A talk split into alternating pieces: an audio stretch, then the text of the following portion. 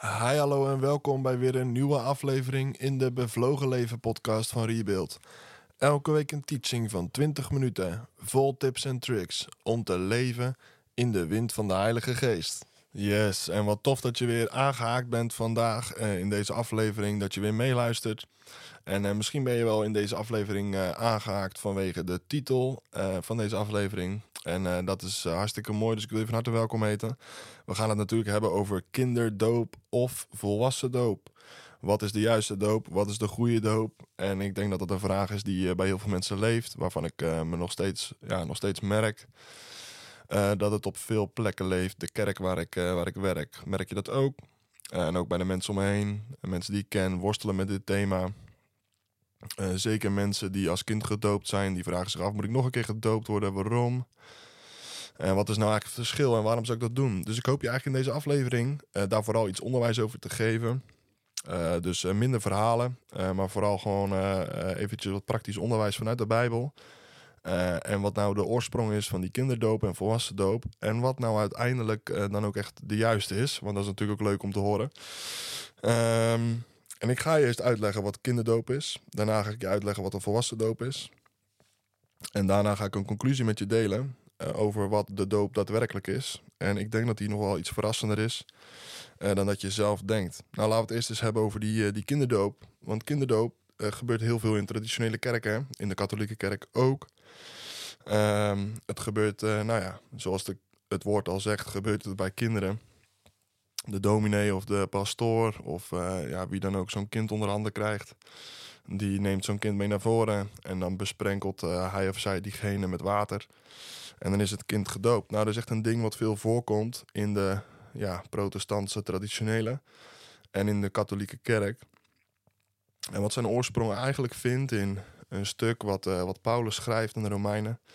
Waarin hij eigenlijk weergeeft van hé, hey, als wij in Christus Jezus zijn, eh, dan is het niet meer eh, de besnijdenis die ons toevoegt aan het verbond van God, maar dan is het de doop die ons toevoegt aan het verbond van God. Nou, wat betekent dat nou? Kijk, Paulus die zegt, de Joden die moesten zich besnijden, om, of die kinderen moesten besneden worden, en want kinderen werden besneden op de achtste dag, die moesten besneden worden, om zo eh, tot het verbond toe te treden dat God had met het volk Israël.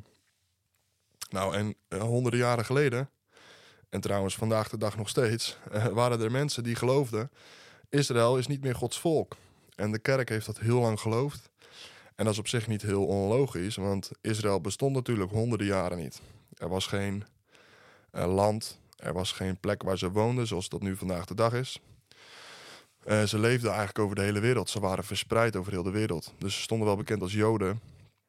Maar de kerk is in de loop der jaren gaan geloven dat Israël niet langer Gods volk is, maar dat de wereldwijde kerk Gods volk is. Nou, is een foutieve theologie, eh, waar ik je vast nog wel een keer wat meer over ga leren, die ook niet klopt. Want wij zijn namelijk geënt op deze boom, die Israël heet. Israël is Gods volk. En het is enkel en alleen omdat Israël Gods volk is, dat ook wij als heidenen, om het zo even gezegd te hebben, eh, gered kunnen worden. Maar goed, in die, in die gedachte van eh, Israël is niet meer Gods volk, wij zijn het. Ja, moesten kinderen dus natuurlijk aan dat verbond met God worden toegevoegd. En dat was een verbond wat God met het volk Israël gesloten had. Nou, Paulus zegt dan, je hoeft niet meer besneden te worden, maar je moet gedoopt zijn in Jezus. Eh, dan hoor je eh, bij dat verbond. Dus daarom is de kerk op grote schaal kinderen gaan dopen met de gedachte, dan horen ze bij God. Wat natuurlijk een hele mooie gedachte is. Want wie wil nou niet, eh, wie wil er nou niet dat zijn kind bij Jezus hoort of bij God hoort? Dus die gedachte die is heel erg goed. Alleen wel vanuit foutieve theologie. Ehm, nou, hoe wordt het nou ondersteund vanuit de Bijbel? Eh, vaak met het oog op eh, dat hele huisgezinnen worden gedoopt. Je ziet in handelingen, in het boek Handelingen, zie je op meerdere verschillende plekken dat er huisgezinnen worden gedoopt. Dus bijvoorbeeld Cornelis en zijn huisgezin, de gevangenisbewaarder en zijn huisgezin, eh, Crispus en zijn huisgezin in Handelingen 18.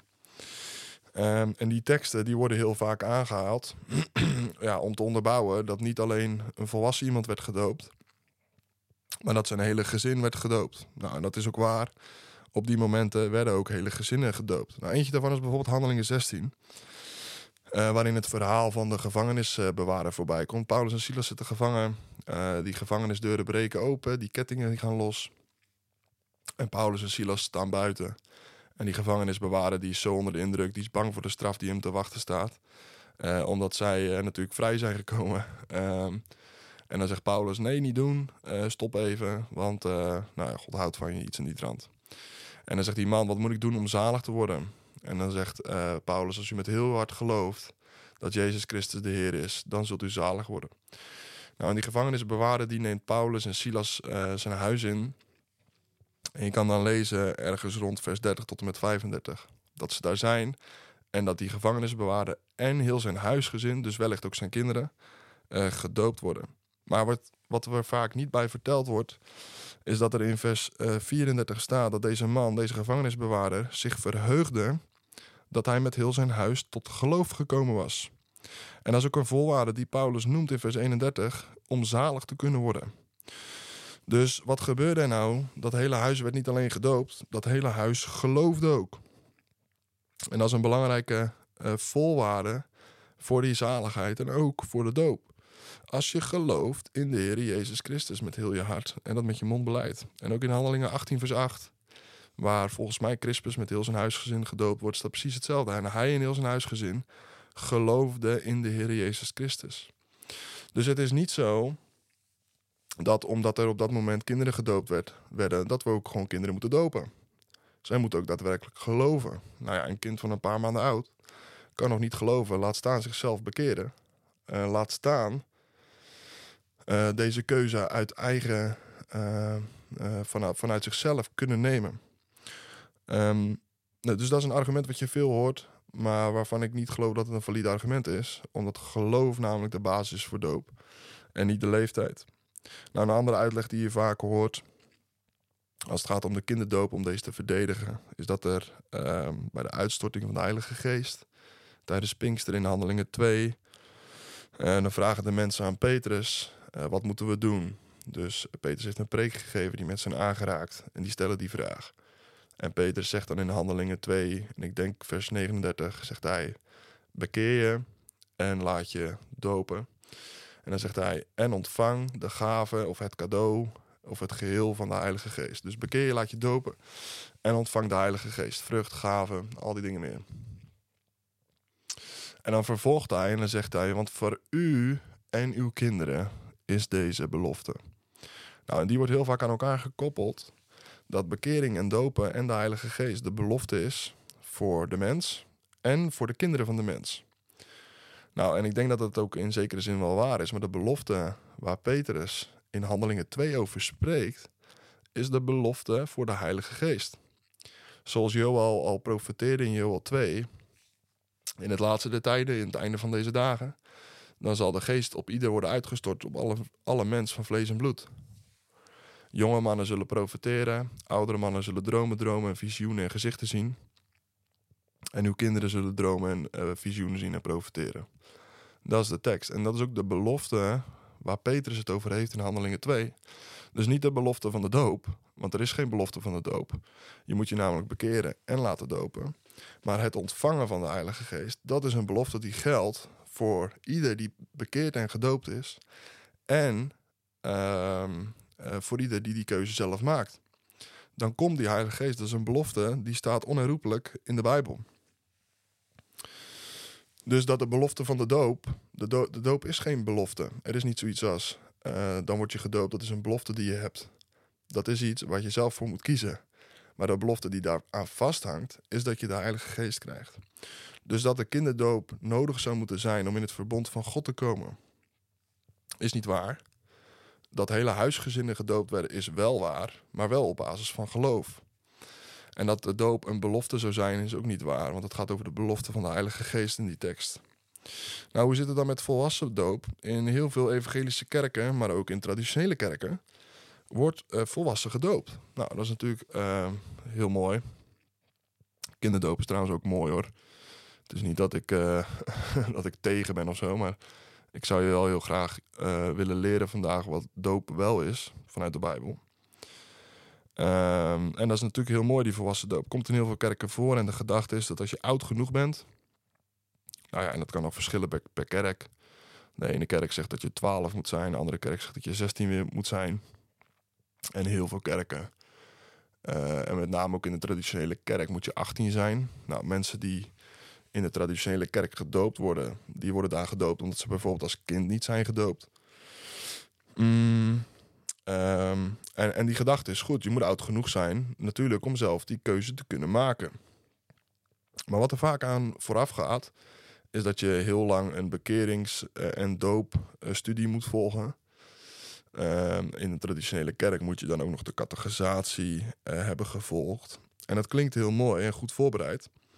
Maar nergens in de Bijbel zie je dit. Dus die gevangenisbewaarder waar ik het net over had, die mensen die op eerste Pinksterdag werden gedoopt, die werden niet allemaal gedoopt nadat ze een hele cursus hadden gekregen van Paulus of van Petrus. Ze bekeerden zich en ze werden gedoopt omdat ze geloofden. En daarom ben ik ook een fel tegenstander, om het even zo te zeggen, om mensen eerst allerlei cursussen uh, te geven voordat ze gedoopt moeten worden. Ik denk wel dat het heel belangrijk is dat we de voorwaarden voor de doop verkondigen, dat we daar mensen over onderwijzen. Uh, maar niet dat we ze eerst aan een soort examen moeten uh, onder, laten ondervinden, voordat ze goed genoeg zijn om gedoopt te worden, hoe mooi het ook klinkt. Uh, want ik merk in de praktijk zijn heel veel mensen bezig met goed genoeg zijn of ver genoeg zijn. Je hoort dan heel veel dingen als van ik moet genoeg kennis hebben. Ben ik dan wel goed genoeg? Uh, of doe ik wel, uh, leef ik wel heilig genoeg? Of leef ik goed genoeg? en dat klinkt ook allemaal goed. Maar als je er heel goed over nadenkt, dan is het eigenlijk, als je zegt van nou, ik moet eerst goed genoeg zijn voordat ik gedoopt word, dan is het eigenlijk alsof je eerst schoongemaakt moet worden voordat je schoon genoeg bent om schoongemaakt te worden. Ja, dat is, dat is natuurlijk onzin. Als je het zo zegt, klinkt het heel logisch. Maar vaak maken we het in de praktijk heel moeilijk. Alsof je eerst goed genoeg moet zijn voor God voordat Hij je goed genoeg kan maken. De grap is dat we door zo'n redenering en houding ook nog eens de essentie van de doop uit het oog verliezen. Je hebt geen reiniging nodig als je denkt dat je schoon genoeg bent. Waardoor je ook in een vicieuze cirkel komt en ook niet erkent dat je die reiniging, die door de doop bewerkt wordt, dat je die daadwerkelijk nodig hebt. Want die heb je namelijk zelf al bereikt. Dus ik ben ook een, een fel tegenstander van dopen na een hele lange cursus. Uh, en allerlei drempels opwerpen die de Bijbel nergens laat zien. In Handelingen 2 zegt Paulus of Petrus: bekeer je en laat je dopen. Hij zegt niet bekeer je, uh, volg een bijbelschool, volg een doopcursus, volg catechisatie, volg beleideniscatechisatie. Doe dit, doe dat, doe zus, doe zo. Nee, dat staat er helemaal niet tussen. Het is bekeer en laat je dopen. Nou, die kinderdoop en die volwassen doop, die worden op heel veel plekken ook uitgevoerd door middel van besprenkeling. Dus de volwassen man of de baby of de volwassen vrouw, die wordt vooraan neergezet. En dan worden een paar druppels op het voorhoofd van diegene besprenkeld. Nou, of het nou volwassen is of kinderdoop, het maakt niet zo uit. Maar besprenkeling is niet bijbels. De Bijbel spreekt over, op allerlei plekken over onderdompeling. Ook uh, de grondtekst, de Griekse grondtekst die wordt gebruikt, uh, gaat echt over een volledig, volledige onderdompeling. Nou, waarom is dat zo belangrijk? Je moet nou eenmaal onder. En baptizo, wat dat Griekse grondwoord is, dat betekent letterlijk ten onder gaan. Zoals een schip zinkt in het water. Dat is de betekenis van dat baptizo, dat je letterlijk ten onder gaat. Jij gaat ten onder. Je leven gaat ten onder, om het zo te zeggen. Maar hij staat op in een heel nieuw leven, gereinigd van al die verkeerde dingen, bekleed met Jezus, om het leven te leven wat je kan leven met Hem. Nou, de doop is een symbool voor een begrafenis. Romeinen 6 spreekt over dat je door de doop begraven wordt samen met Christus in Christus. En uh, bekeren is één. Als je Jezus wil volgen, dan moet je je eerst bekeren. Maar het is ook belangrijk dat je stappen moet gaan maken daarna. Dat je daarna ook moet gaan wandelen in een heel nieuw leven. En als jij je honderd jaar opnieuw uh, bekeert, maar nooit opnieuw geboren wordt, dan ga je telkens weer terug naar die werken van je oude vlees. En de Bijbel spreekt erover dat we wedergeboren christenen moeten worden om daadwerkelijk ook in dat nieuwe leven te lopen. En de doop is daar een essentieel belangrijk onderdeel van. Jezus zegt het zelf in Johannes 3. Ieder die het koninkrijk van God wil binnengaan, moet opnieuw geboren worden uit één geest. Dus onze geest moet opnieuw geboren worden. Maar we, moeten ook opnieuw geboren worden uit water. En als we dat niet doen, als we ons oude leven niet begraven, ja, dan lopen we dus in een, met één been in een nieuw leven en met een ander been in ons oude leven. Je loopt eigenlijk met een half dood lichaam rond. En dat klinkt heel luguber als ik het nu zeg. Uh, maar dat gaat stinken. Dus er moet wel een begrafenis zijn. Je oude leven moet wel daadwerkelijk begraven worden voordat je volledig op kan staan in een nieuw leven. Nou, een ander ding wat gebeurt met de doop is afwassing van zonde. In Handelingen 22 zegt Ananias tegen Paulus: Wat twijfelt u nog? Staat op en laat u dopen, eh, zodat uw zonden afgewassen worden. Nou, ik weet niet hoe het met jouw zonde zit, maar mijn zonden konden niet afgewassen worden met een paar drupjes water. Daar was best wel een behoorlijke hoeveelheid water voor nodig. Daarom is onderdompeling zo belangrijk. En als laatste, doop is ook een bekleding. Dus in Galaten 3 vertelt Paulus daarover dat als wij gedoopt zijn in Christus, dat we ook met hem bekleed zijn. Het maakt niet uit of je dan Jood of Griek bent. Je bent in de doop bekleed met Jezus. En zo kijkt God dus ook naar jou. En ik gebruik wel eens het voorbeeld van Emaille. Uh, misschien ken je dat wel, misschien ken je het wel niet. Emaille is, is die oude aardappelschaal die bij je oma op het aanrecht stond. Zo'n schaal waar alle uh, fruit- en groenteresten in gingen. Het is vaak van metaal gemaakt, alleen er zit een laagje op, uh, een beschermlaagje. En dat beschermlaagje noem je emaille. Nou, wat gebeurde er nou? Zo'n metalen bak, die werd in zijn geheel ondergedompeld in die emaille. Nou, dan gebeurde er een aantal dingen. Die oude zonde, dat oude metaal, dat werd bedekt. De oude jij was er niet meer. Dat oude metaal kan je dus niet meer zien. En als je daarna omhoog komt uit die doop, dan is dat ding helemaal bekleed met een nieuwe kleur. Nou, en zo is het ook met ons. Als wij ondergaan, dan worden al onze oude zonden afgewassen en bedekt. Worden wij gereinigd, wordt ons oude leven begraven en staan wij op in een heel nieuw leven, bekleed met Jezus, met die nieuwe kleur. Nou, doop is een teken van begraven. Dat kan dus niet met een paar druppels. En doop is een teken van reiniging. Ik zei net ook al, ik weet niet hoe het met jouw zonde is. Maar mijn zonde kon niet af, eh, afgewassen worden met een paar druppeltjes. Ten laatste, doop is een teken van bekleding. Je hebt niet ineens een wit shirt aan, omdat er een paar witte spetters op zitten. Je hebt een volledig nieuwe kleur nodig. Dus uh, even helemaal terug, resume. Ik heb het gehad over de kinderdoop, ik heb het gehad over volwassen doop. En ik heb het gehad over besprenkeling en onderdompeling. En als je goed hebt geluisterd door al die dingen heen, neem bijvoorbeeld het verhaal van de gevangenisbewaarder. Hij geloofde met heel zijn huis en hij werd gedoopt. Misschien ken je het verhaal wel van de kamerling in Filippus, die in Handelingen 8 te lezen is. Dan vraagt deze kamerling vraagt, vraagt aan uh, Filippus. Zegt hij, kijk, daar is water. Wat is er op tegen om gedoopt te worden? En dan zegt Filippus, als je met heel je hart gelooft dat Jezus Christus de Heer is, dan mag je gedoopt worden. Dat is de enige voorwaarde voor dopen. Geloof. Dopen gebeurt nooit op basis van ervaring. Dopen zou niet moeten gebeuren op basis van traditie. Dopen zou niet moeten gebeuren op basis van religie. Op basis van hoe het hoort. En ook niet op basis van of je goed genoeg bent of niet. De enige voorwaarde voor doop door onderdompeling is geloof. Dus de echte doop is geen kinderdoop, is geen volwassen doop, geen evangelische doop, uh, geen traditionele of katholieke doop. Wat voor titels er ook aan worden gegeven, er is maar één doop. En dat is de geloofsdoop in Jezus Christus door water, ondergedompeld. Bekeer je en laat je dopen als je met heel je hart gelooft dat Jezus jouw Heer is.